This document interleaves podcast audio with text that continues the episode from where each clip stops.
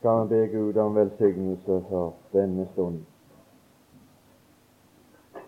Herre Jesus, vi er samla for ditt åsyn i denne dag og i denne stund om ditt dyrebare ord og i ditt dyrebare navn. Og vi ber, Herre, la det bli noe som går opp for oss. La det bli noe som blir til nytte for oss.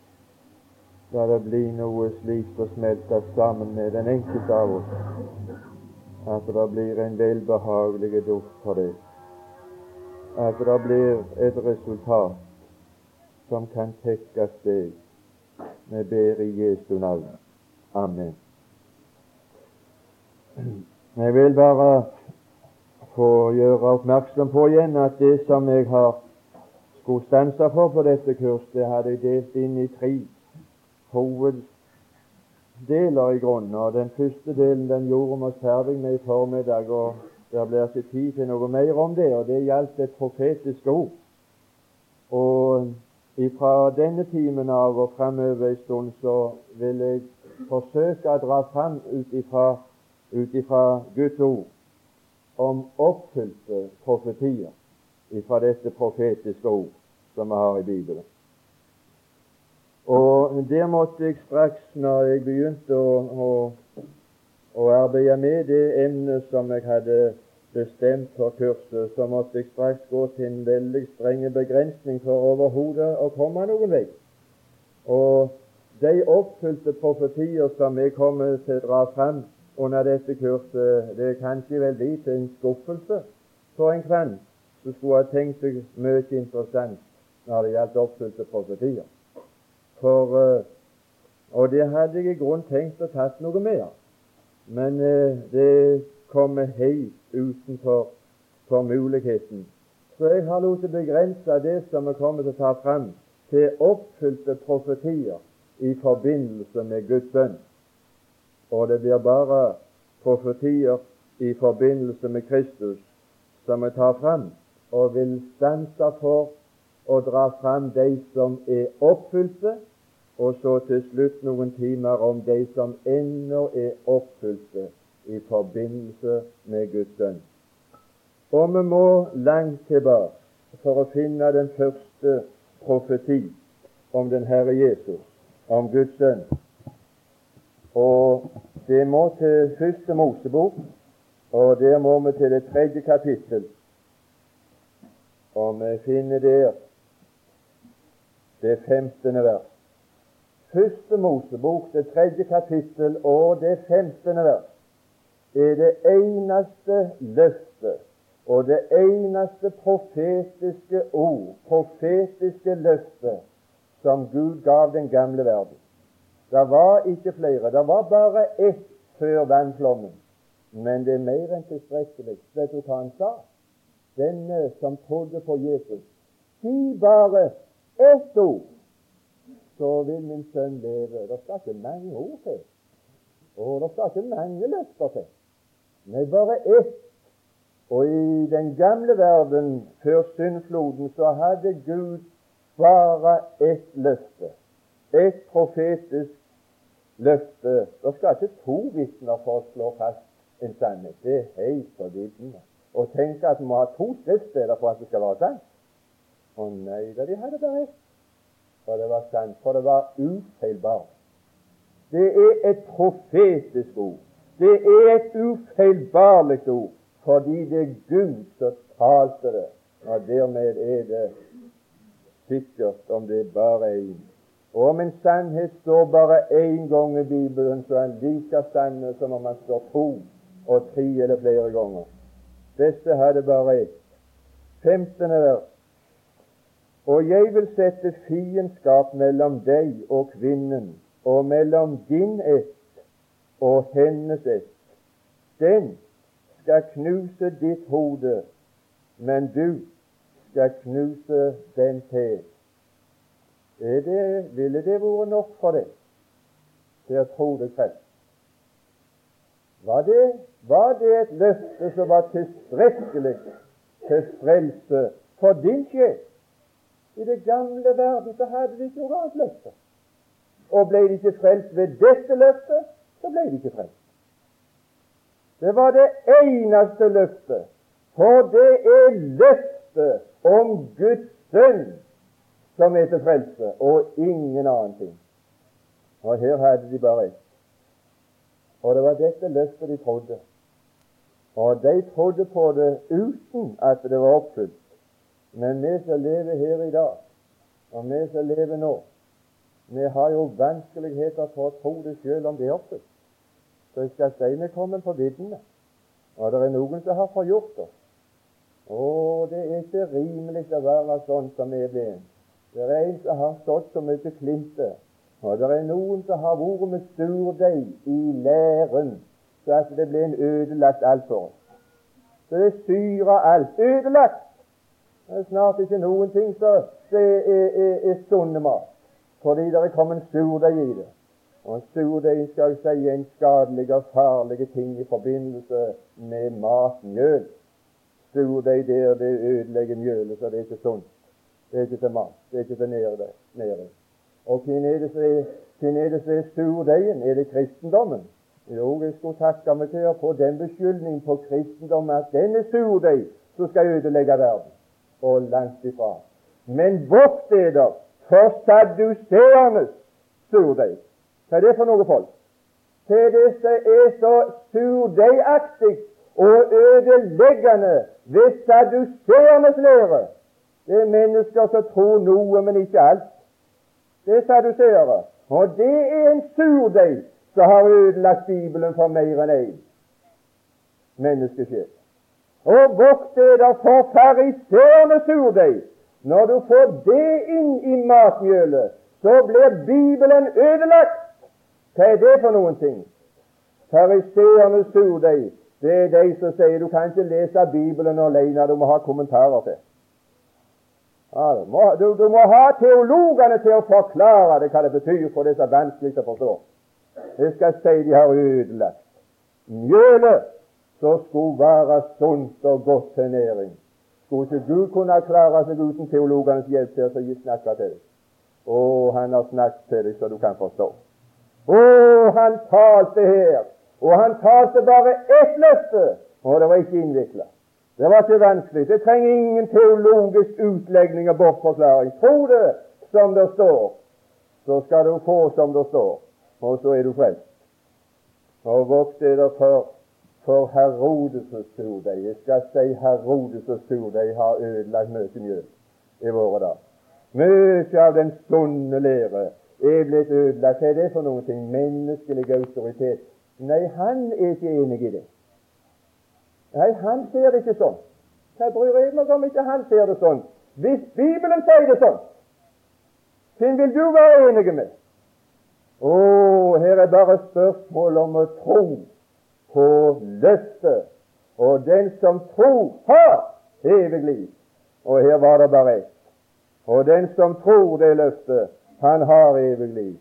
Men eh, vi skal leve nå. Vi, vi lever i et liv i denne verden, som er blitt overdyssa av privilegier i forhold til andre mennesker som har livt på denne jord. For vi verser i alle mulige slags privilegier som skulle hjelpe oss til å tro. Og allikevel så, så går vi her som noen så synes det er til og med åndelig og ydmykt, og så tviler ikke bare ganske sikker. Det skal være et uttrykk for åndelig ydmykhet i våre dager, og ikke være for sikker. Det er åndelig hovmot, sier de, å være for sikker. Ja, det er kanskje, det er kanskje hovmod av gutten min og jenta mi å være ganske sikker på at de er mine barn. Det skulle være hovmot, det. Jeg kan fortelle deg det at hvis jeg kom hjem og merka til noen som helst slags tvil hos gutten min og jenta mi om at det var mine barn, så visste jeg det at det hadde vært en fiende og stått noe inni sjelen deres. Nå hadde jeg visst det. Og det er det eneste Gud vet. En fiende har vært og stått noe i sjelen din hvis du har noe tvil i det spørsmålet om du er født av Gud eller ei. Det er ikke bagateller. Nei, her er løfter. Her er det første løftet, nå skal vi lese om oppfyllelsen. Vi leser i Matteus evangeliet, det, det andre første kapittel. Matteus evangeliet. Så står det i det i det 22. vers i Matteus 1. Men alt dette skjedde for at det skulle oppfylles som er talt av Herren ved profeten. Og det som der ble oppfylt, det var det som sto hos profeten Se, en jomfru skal bli fruktsommelig og føde en sønn. Og når Jesus ble født, så var det en kvinne. Det var ikke bare en kvinne, men først vil jeg få lov å gjøre oppmerksom på det forholdet når dette løftet gikk i oppfyllelse. Kvinnens sted gikk i oppfyllelse. Så sier Galaterbrevet 4.4 at Kristus er født av en kvinne. Men hvis det ikke var sagt noe mer enn det, så ville det ikke vært tilstrekkelig for mitt vedkommende å tro på ham om han var født av en kvinne. Men se, en jomfru blir fruktsommelig og føder en sønn. Å, kvinnens sønn som ikke vet av mann. Det er han jeg tror på. Hvem er det du tror på? Jeg tror på løftet om at kvinnen uten mann skulle føde en sønn, og denne sønnen, det skulle være Kristus. Og det er dette løftet som er blitt oppfylt. Når Kristus ble født, så ble han født av en kvinne, men denne kvinnen var en jomfru som ikke visste av mann. Dermed så gikk det løftet i oppfyllelse, sier Matteus evangeliet. Det gikk lenge. Det gikk skrekkelig lenge. Det gikk over 1600 år før Gud gav et nytt løfte. Og du finner det i det niende kapittel i første Mosebok. Du kan lese med, med, med lys og med lykt, og du skal ikke finne noe nytt løfte før du kommer til den nye jord som Noah kommer inn på etter vannflommen. I det niende kapittel så får vi et tillegg til det løftet som først var gitt. Altså det var en kvinne som skulle føde en sønn, og denne kvinnen skulle være en jomfru. Her står i det 26. verset i kapittel 9 Herren, lovet være Herren, den Gud, og Kanan være deres trel Gud gjøre det hvitt for Jafet. Gud skal bo hvor hen? I fem telter. Der får en ikke bare en opplysning om at når Guds sønn kommer, så skal han være født av en kvinne, men han skal være født av en kvinne i selv, hos selv etterkommere. Ikke hos Jafet og ikke hos Kam, men iblant selv etterfølgere. Der skulle det være at denne kvinnen skulle føde en sønn. Og så leser du om denne, om denne Sem at det er jødene. Det er jødene som er sendt etterkommere. Og vi finner at det gikk bokstavelig i oppfyllelse at når Kristus ble født til denne verden, og ble født av en kvinne, så var kvinnen tilfeldigvis, kanskje. Synes du det? Det var et tilfelle det at denne kvinnen var i jøde og av kjent ett. Og her er ikke mye tilfeldigheter når det gjelder Bibelen. Her var ikke tilfeller. Men når det var en jødisk kvinne som fødte, så var det fordi at dette løftet skulle gå i oppfyllelse det andre løftet. Og jeg skal si deg, min venn, at når jeg leser slike ting, at Gud har vært så pirkete med å oppfylle disse ordene så pirkete nøyaktig som står i det første kapittelet i første Mosebok. Vet du hva jeg blir da? Jeg blir en dissenter i vår tid. Det blir ikke blir en dissenter med mellom å ut av statskirken og så gå inn i et, i et fritt samfunn. Men jeg blir en dissenter ved å ta et annet standpunkt enn flertall. Jeg dissenterer i tro. Jeg dissenterer når jeg hører disse andre som sier det er, ikke, det er ikke så sikkert det som står i første Mosebok. Jo, det er sikkert. Det er bombesikkert. Det er ganske sikkert. Det er så sikkert at det er ingenting som er så sikkert i denne verden som at det som står i første Mosebok, ifra det første vers, det er ganske sikkert. Det blir oppfylt. Visst er det det. Og de som kjenner Guds ord, de stoler på det. Men de som ikke kjenner det, de har ingen tro på det. De spotta, det, de det. Og jeg kan bare referere til hva, hva domprost Per Lønning i Bergen offentlig og skriftlig har skrevet og uttalt at enten det var en mann som het Adam eller Leise, så betyr ikke det noen ting. Det liker jeg godt for det. Det liker godt om det var en Adam eller. For det er ikke det som betyr noe at det var en Adam. Men det er det innholdet, det, det, det er en fine bildetale. Du skal få meg til å tro jeg dissenterer. Jeg er i aller høyeste grad uenig med Per Lønning og sier nei! Og vil si det høyt og klart, så at ingen skulle misforstå og plassere meg i selskap med den slags troende. For i dag har vi mange den slags troende som tror på noe som de selv mener men jeg er et menneske.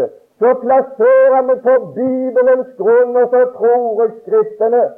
Og jeg tror alt som står skrevet i Skriftene. Og jeg er ganske sikker det er ikke en fnugg av tvil. Ingen fnugg av tvil. Hvorfor?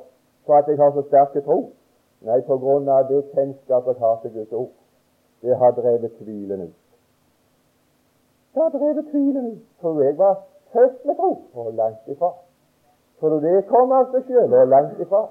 Tror du at jeg hadde vært, vært så fullt av denne tillit hvis jeg hadde lest den slags bøker og den slags litteratur og sett på den slags programmer og hørt på de foredragene som spyes ut av kringkastingen? Da blir jeg fullt av tvil. Men jeg skal fortelle deg om en annen vei, en bedre vei. Å, Guds ord uten noe tillegg Guds ord driver tvilen ut. Herlige Gud. Gud, for et effektivt middel han har imot tvil. Guds ord virker i sin egen tyngde. Tvilen må ut. Forsvinner så dog forsto. Jeg er så sikker jeg er mer sikker på det enn noen ting. Det er det eneste jeg er sikker på. Absolutt det eneste jeg er sikker på. Ja, ja. Så står det der når, det, når vi har det i, i, i, i Nye testamentet, når dette ble oppfylt, at han skulle, Gud skulle bo i Sem-teltet og skulle være Sems Gud. I Romerbrevet det niende kapittel og det femte vers De som Kristus er kommet fra etter kjød, det er jøden. Så jeg skal si at første Mosebok 9, 22, 26 er blitt oppfylt. De som Kristus er kommet fra etter kjødet, det var ikke et tilfelle. Å nei, han skulle bo i selvteltet. Det var det andre løftet som Gud gav. Et tillegg til det første. Nå hadde de en tilleggsopplysning. Før så kunne de vente at Jesus skulle bli født av hvilken som helst slags kvinne. Nå ble det begrensa. Det måtte bli av fem etterkommere. Så kommer du til, til 11. kapittel i Første Mosebok og til det tiende vers. Så får vi en beskrivelse av dette er historien om Sems ett. Og den skal vi ikke lese, men vi kommer nedover der. Så finner vi her at av Sems ett er det en mann som heter Abraham. Tenk altså at det var en mann i den, av den familien der og etter så heter Abraham. Og Abraham får det tredje løftet av Gud. i forbindelse med Guds sønn. Og det står i det 13. kapittel og 16. vers. Der begynner det. Og jeg vil la din ett bli som støvet på jorden. Kan noen telle støvet på jorden, så skal også din ett kunne telles. Og vi får rede på at den ett som Abraham fikk løfte om, det var Kristus. Din ett, og det er Kristus, sier Galaterbrevet. Så der fikk vi det løftet at Guds sønn han skulle ikke bare være født av en kvinne, og at denne kvinnen skulle være jødisk, men det skulle være en Abrahams etterkommer, i Abrahams slekt og av Abrahams familie. Og når vi leser i Det nye testamentet, så får vi rede på at Jesus Kristus i hans ettertavle i Matteus 1 og første vers så står det at Jesus Kristus er Abrahams sønn. Det var ikke tilfeldig at han var av Abrahams familie. Det var fordi at det skulle bli oppfylt, det som var skrevet i første Mosebok 13. Å, hvordan det gir meg tillit til Bibelen, til Det gamle testamentet, som Gud har sørga for på en så pirkete måte å oppfylle. Så det skulle være et av kjennetegnene stansene for i formiddag. At når det var en profet som talte om kommende begivenheter Hvis det skjedde så som profeten talte, så var det Gud som hadde talt. Da var det Guds ord. Ja, ja. Vi kommer til det fjerde løftet i, i første Mosebok. Her er flere. 49. kapittel i første Mosebok. Så er det det fjerde tilleggsløftet i forbindelse med, med Guds sønns komme til denne verden og få. Der står i det åttende vers Juda, deg skal dine brødre prise din hånd skal være på dine fienders nakke, for deg skal din fars sønner bøye seg. En ung løve er Juda. Fra rov er du steget opp, min sønn. Han legger seg ned, han hviler som en løve, som en løvinne. Hvem våger å vekke ham? Ikke skal kongespir vike fra Juda, ikke herskerstad fra hans føtter, inntil fredsfyrsten kommer og folkene blir ham lydige. Det var et tilleggsløfte og en tilleggsprofeti om Guds sønn. At han skulle ikke bare være av Abrahams familie og ett, men han skulle være av Judas stamme gjennom av en av sønnene til Jakob. Her blir det lokalisert, og her blir det begrensa. Så før han kom, så var det mennesker som visste når han kom, og hvor han kom, før han var født. Det visste de. For det var, det, var, det, det var, ikke nødvendig å vente til til han kom. De visste det når han kom, og hvor han kom. Bare vent til vi kommer fram til det, så skal du se på noe. Å, for en Gud! For en stor Gud som har åpenbart seg i denne bok. Og for en Gud som er troverdig, som du aldri kan ta i noe utroverdig ord og feilbarlig ord. Jeg skal bare ta et par vers fra Det nye testamentet i forbindelse med, med Juda. I Hebreabrevet, det sjuende kapittel og det fjortende vers, så håper jeg det at det er vel kjent iblant alle her, som det var på den tid. Det er jo kjent at vår Herre Jesus er opprundet av Judas stamme. Jeg håper det er kjent. Det betyr nemlig kolossalt. Ja, det gjør det.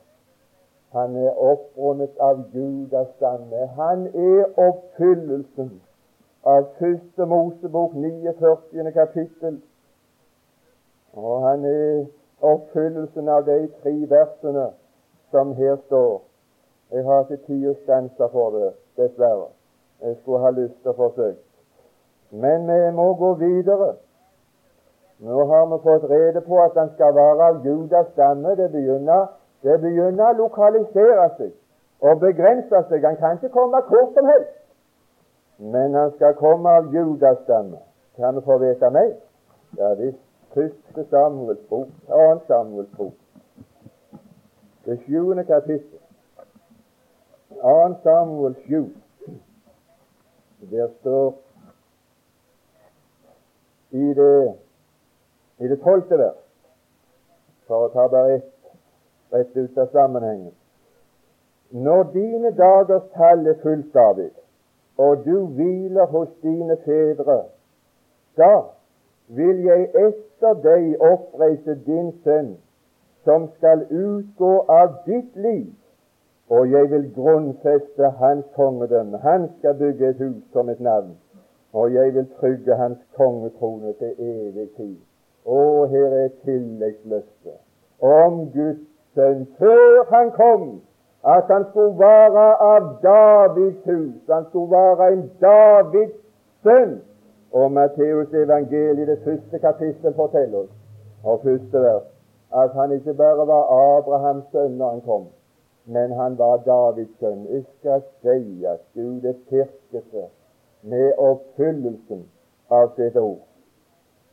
Ja, det er I, uh, i Lukas evangeliet, i det første kapittel, står det i det 32. vers at Gud skal gi ham han, hans far Davids trone. Og når du kommer til åpenbaringen, det tredje kapittel og det 27. vers, så får vi rede på noe, så jeg er ikke så sikker på at vi uten uh, har legger brett på oppfyllelsen av disse profetier. Hva legger du i at han har Davids nøkkel? Å, han har Davids nøkkel, og han lukka opp, og ingen lukka til. Og han lukka til, og ingen lukka opp. Den, eh, den nøkkelen den har bare betydning i forbindelse med at han er oppfyllelsen av at han var Davids sønn. Men det er ikke som Davids sønn at jeg har min forbindelse med Jesus. Jeg roper ikke på Jesus, du Davids sønn. Det var ei kvinne som kom fra Tyrus og Sidon, og de landemerkene står der i Matteus evangeliet så var en hedning, og så begynte å rope på Jesus. Du Davids sønn, miskunn deg over meg! Første svar. Han tydde. Hvorfor tydde han? Han hadde ingenting med henne å bestille som Davids sønn. Han svarte endelig, og da svarte han jeg er ikke sendt til noen annen enn til de fortapte får i Israels hus. Og de hadde rett på han som Davids sønn, men de forkastet han. Men når hun fikk svar, så brukte hun et annet navn. Jeg håper det at du ikke blander de navnene på Jesus sammen. Og det er ikke det samme hva du kaller han for. Det er ikke de som påkaller Davids sønns navn i dag, som blir frelst. Men så sa hun Herre, hjelp meg. Og vær den som påkaller Herrens navn. Bare det.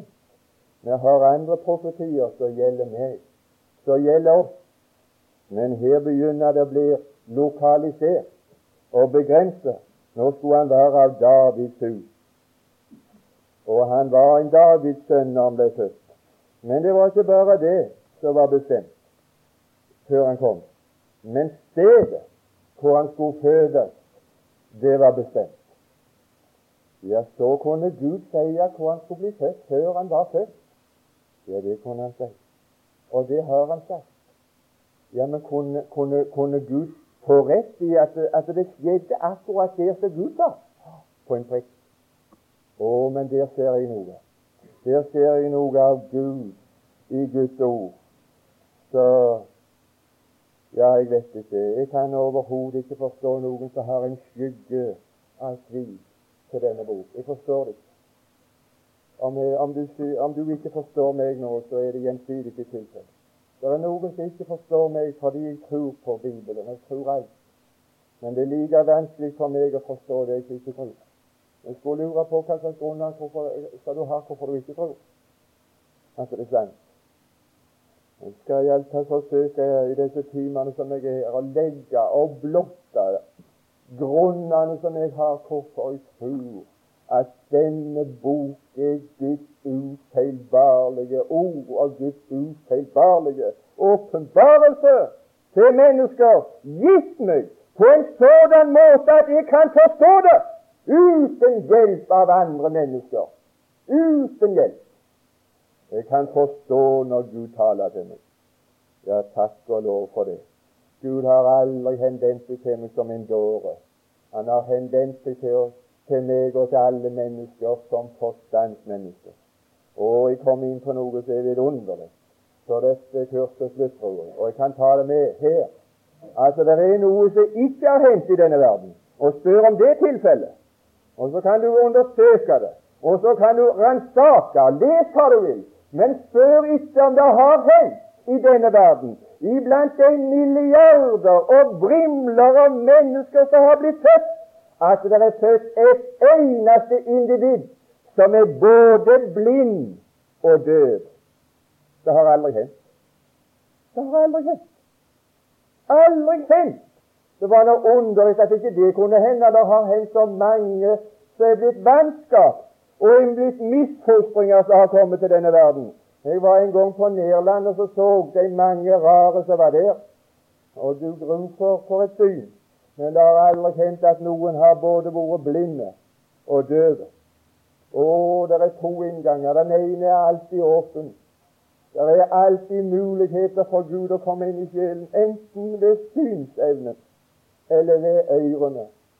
Det er noe som Gud sikrer alle mennesker.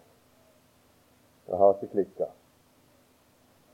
Stedet var profetert i i profeten Mika, det femte kapittel og det første vers, er det sagt at Betlehem skulle være byen og stedet så det skulle gå ut fra en hersker over Israel, og hans utgang skulle være fra fordom fra evighet.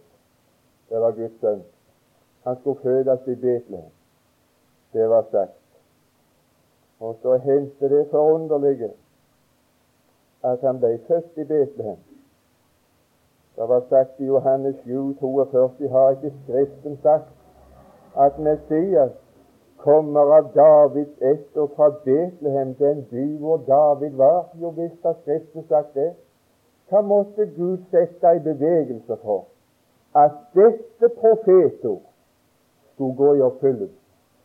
Du vet, og Hvis du ser på kartet bak i Bibelen, så vil du finne at for foreldrene til Jesu mor og Josef. De, eh, de bodde i en by som heter Nasaret. Og du vil finne at den byen Nasaret den ligger langt fra Betlehem.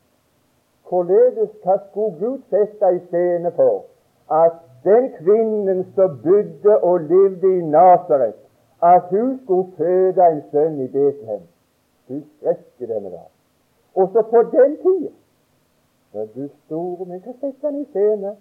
Han setter ikke noe mindre scene. Han innga tanker i keiser Augustus. At han skulle utgi en lov om at, skulle, at alle mennesker måtte skrive seg inn i manntall. Og ikke bare det, for det hadde ikke vært så farlig å kunne skrive seg inn i, i Nasaret. Men enhver i sin by. Og på grunn av at denne Maria som skulle føde Guds sønn, var trolova med Josef, så var hun etter loven nødt til å reise til Betlehem, som var Josefs by. Det var for det første en problematisk reise i det hele tatt på den tida å reise fra Nasaret til Betlehem. Men tenk deg en kvinne på, i den situasjonen at hun går med barn og kan vente at fødselen skal skje, og som må gi seg ut på ei sånn reis, ei så vanskelig og besværlig reis. Og de som vet litt om de tingene, det er at de som er fruktsommelige og må reise på et esel under sånne vilkår, de er utsatt for at det vil kunne gå galt, enn at det vil fremskynde fødselen. Men det var noe underlig. Er det tilfeller at dette profetordet, profeten Mika, gikk i oppfyllelse? At det skjedde da de var i Betlehem? Kunne det ikke skjedd på veien? Kunne det ikke skjedd på hjemveien? De skulle jo bare inn der og innskrive seg og reise hjem igjen. Det skjedde da. Å, der var en Gud med. Det var en Gud med som sørget for at det var ingen tilfeller med. Det var ingenting som skjedde på veien, men det skjedde da. Å, jeg skal si vi har en bibel. En bibel som blir oppfylt til punkt og prikke, og ikke en tøddel blir utelatt. Å, var det så om å gjøre? Det var så om å gjøre fordi Gud hadde sagt. Så de som ventet at han skulle være født i Betlehem, de ble ikke skuffa. Å, var det noen som venta det? Ja, det var det. Det var noen som trodde på det. De ikke bare trodde på det, men det var noen som visste at han var født. uten at de visste det. De visste det bare fra løftene. Og ja, det var nemlig ikke bare stedet som var forutforkynt, men tiden for hans fødsel var forut profetert og forkynt. Tidspunktet når han skulle fødes, hvor står det hen? Ja, Det står i profeten Daniel. Der er tiden bestemt for Jesu fødsel. Så det kunne folk vite hvis de leste Bibelen og trodde løftene. Så ville de vite det, at han var født uten at de hadde hørt noen ting om det. I profeten Daniel der står det i det niende kapittel og fra det 25. vers Og det er Daniels bok iblant alle Bibelens bøker den bok som er mest angrepet av vantroen. Og den eneste måten som de kan ta knekken på Daniels bok, det er ved å påstå at Daniels bok er ikke skreven av Daniel, men det er skreven av en mann som levde etterpå alt dette hadde hendt. Stakkars mennesker. Som skal finne opp alle slags mulige bortforklaringer av Guds ord. Du vet, når, når, når de skulle begynne å vitne løgn om Jesus, så stemte ikke vitnesbyrdene overens. Og når du leser om de som går til angrep på Daniels bok, så stemmer ikke vitnesbyrdene overens. Det får ikke tillit til noen av dem. Absolutt ikke. De står hverandre imot. Det er bare løgnere. Det er røvere, alt sammen. Og den ene røveren slår den andre i hjel, så jeg slipper ingen annen. Jeg slipper å gjøre det sjøl. De tar livet av en annen sjøl, så jeg har ingen tro til dem. Men her er noe som jeg tror på.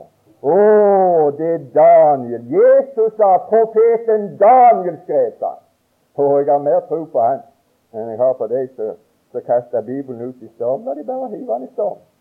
Han tåler godt storm. Han tåler orkan. Han tåler alt verden. Han tåler verdens undergang. Han tåler atombomber. Om denne himmel og jord skal få gå, men ikke en tøddel av Bibelen skal få gå. Her er saker som er sikra. I profeten Daniel, det niende kapittel, der står det i det 25. vers og du, og, og du skal vite og forstå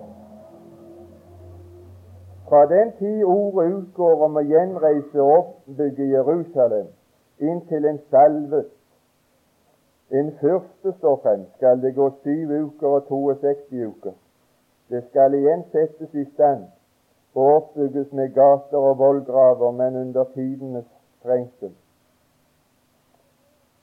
Fra den tid ordet utgår om å gjenreise og ombygge Jerusalem, inntil en salvet, den første, står frem, skal det gå syv uker og 62 uker. Og de ukene som der står omtalt, det er åruker, som er sju år. Og de ukene her ganger sju, det utgjør 483 år. Og Bibelens år, det er år av 360 dager. Og det er på, på kronologisk vis, på historisk kjensgjerningsvis, på universitetet i London, så er det regna ut ifra den tid ordet utgår om å gjenreise og ombygge Jerusalem, ifra den datoen at det ordet utgikk, og inntil Jesus rei inn i Jerusalem på palmesøndag, så var det 483 år på dagen av 360 år. Så da 483 år på dagen, for det var inntil en salvet, en første står frem. Det sto. Å, det sto noe mer. Da skal det gå syv uker og 62 uker. Og så står det etter de ukene, etter de 483 år, etter han blir presentert Se, jødenes konge var det som rei inn i Jerusalem. Og når det er jødenes konge inn, så står det han skulle utryddes og intet ha. Intet rike ha. Før om det gikk i oppfyllelse på dagen. Tiden var bestemt.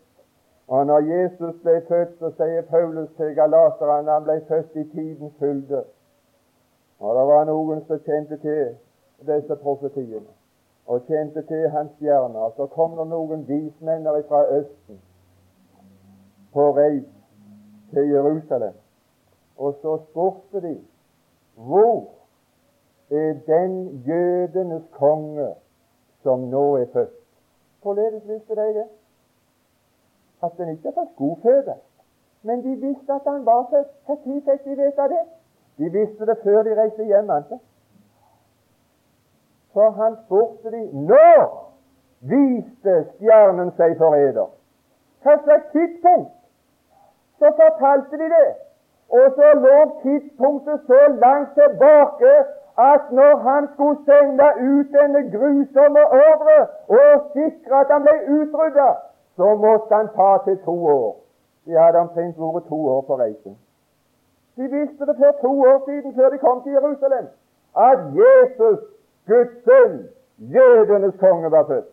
Å, de trodde løftet. De hadde fått løfte om stedet, og de hadde fått løfte om tiden, og de hadde fått løfte om at det var jødenes konge av Davids hus som skulle fødes. Men de visste mer. De visste noe mer. De visste hvilket navn han skulle kalles med når han ble født. Og det var forutprofetert hva slags navn Jesus skulle ha. Og det er der, det er der profetiene drar, drar med seg og at jeg og du kom inn i bildet. Og profetien om Jesu navn som gikk i oppfyllelse. Der er det jeg, der er det jeg kommer med. Jeg er ikke med i, jeg er ikke med i Davids sønn, men jeg er med i det navnet som det var bestemt at han skulle ha før han kom. Det står i profetenes Seiers, det sjuende kapittel og det fjortende vers, han skal kalles han skal kalles Emanuel, som betyr Gud med oss. Og så er det spørsmål ble, gikk det i oppfyllelse? Gikk det i oppfyllelse at han skal kalles Emanuel, Gud med oss? Nei, det, det har vi ikke lest. Vi har ikke lest noe i Nye testamentet om at Jesus ble kalt Emanuel. Så det kan visst ikke Der har visst Guds ord klikka. Nå får vi se om det klikker der.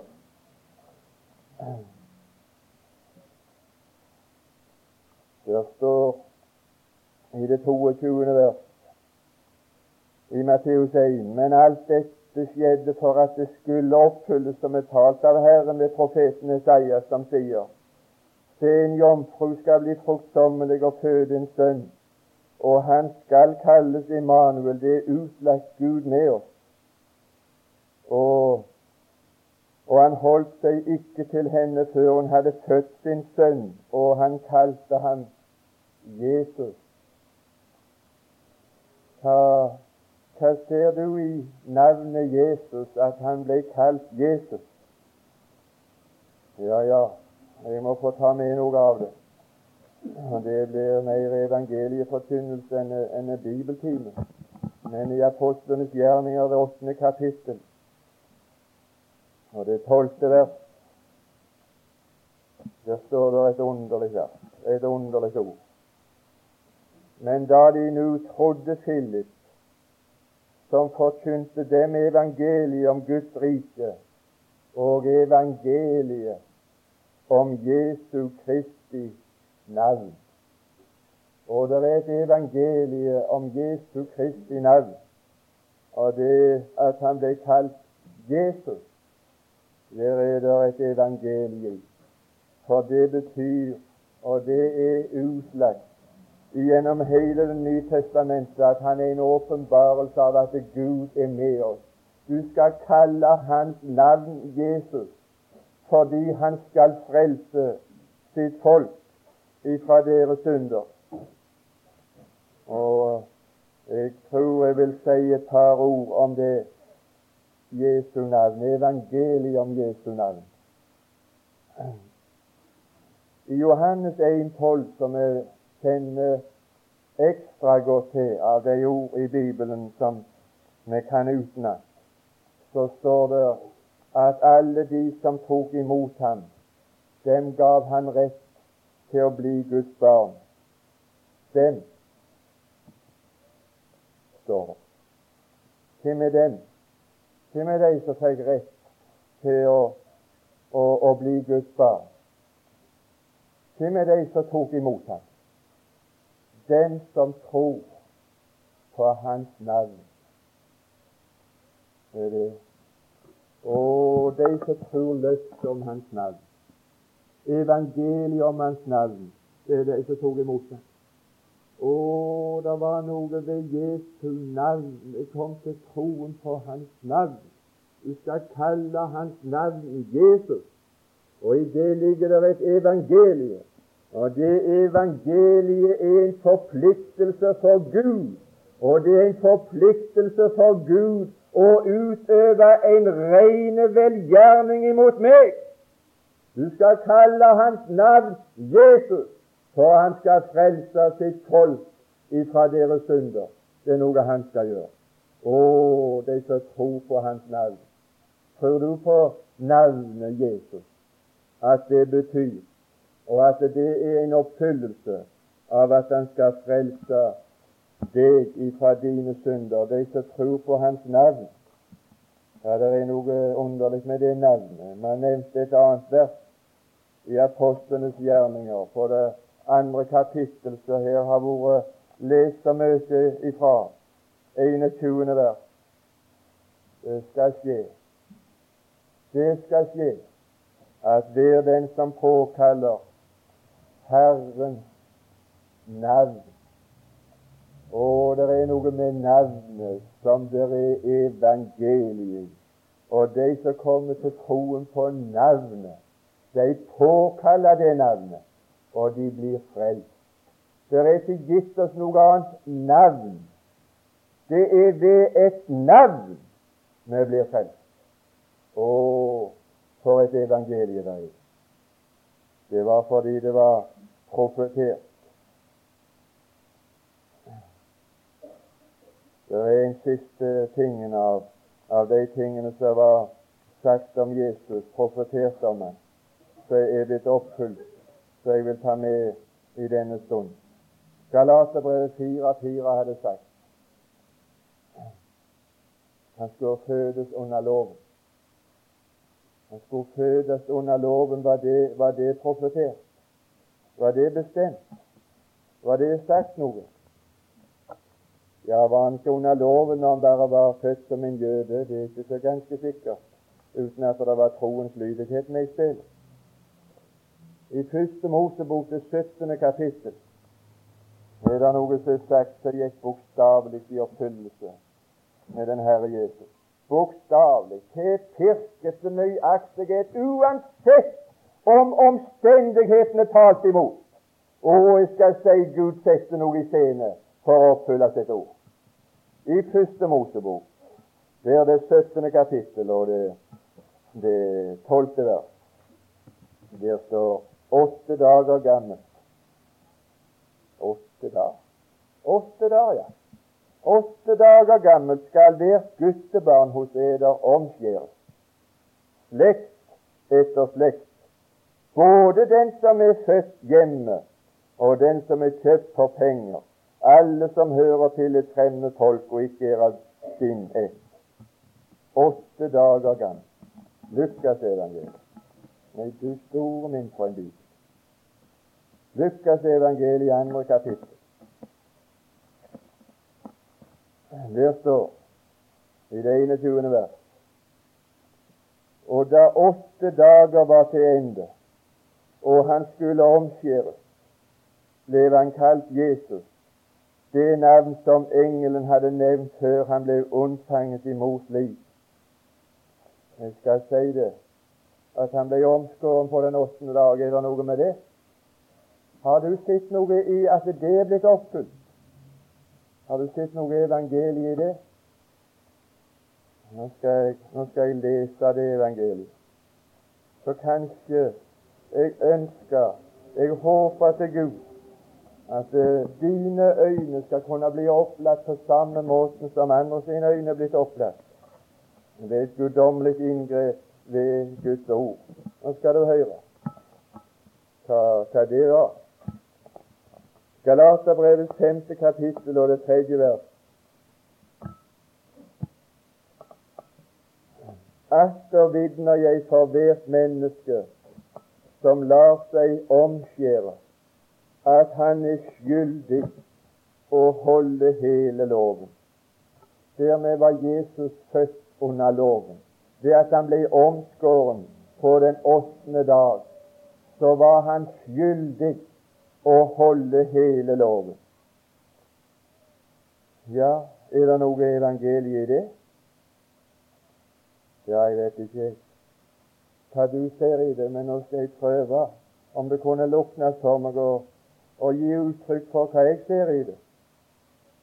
Jesus sa en gang det er min mat, det er min tilfredsstillelse å gjøre Hans vilje. Det sa han. Loven den er et vitnesbyrd.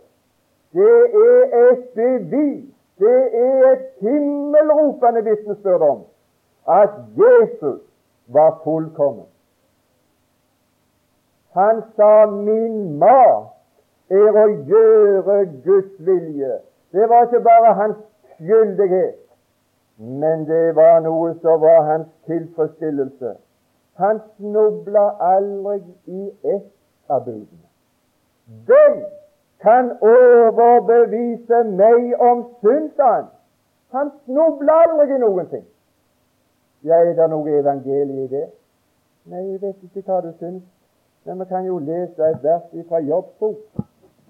Så kan det kanskje hende at du ser noe.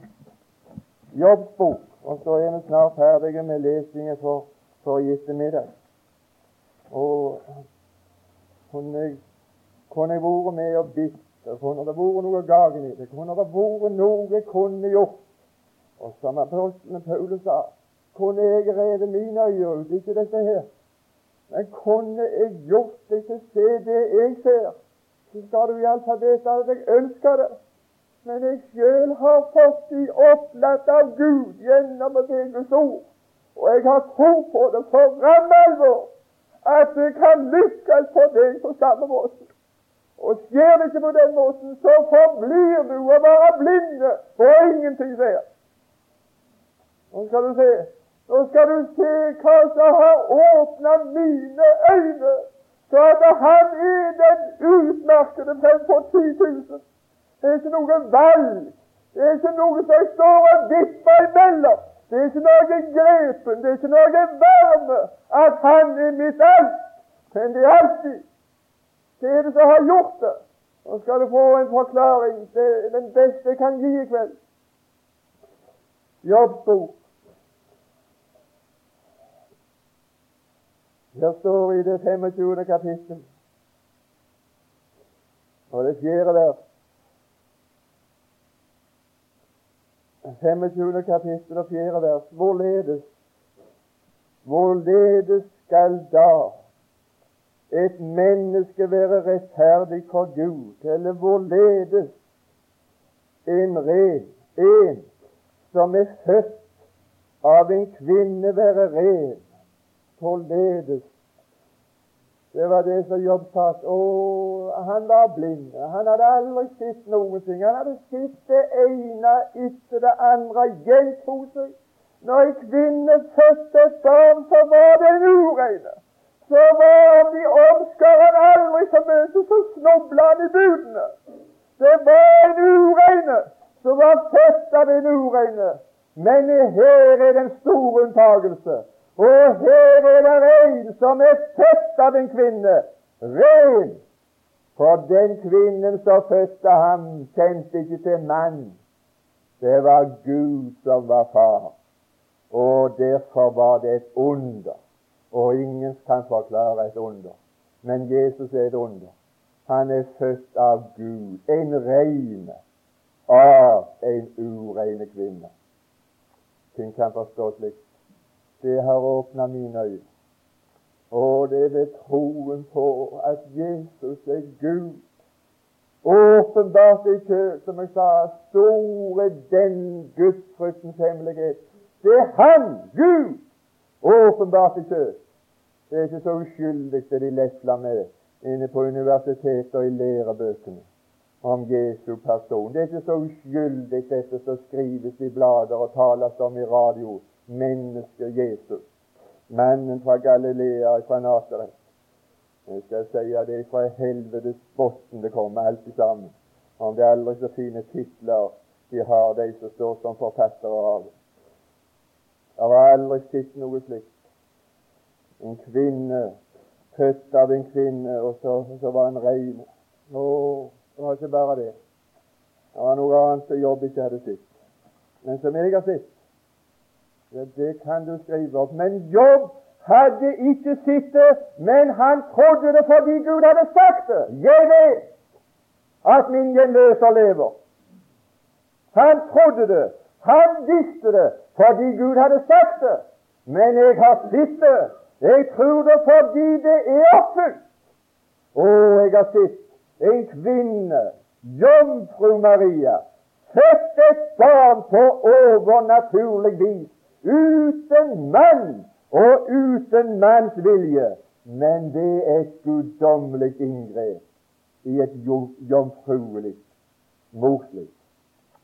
Ja, det er det. Det er dårer som tror slikt. Ja vel, så får du kalle det dårer.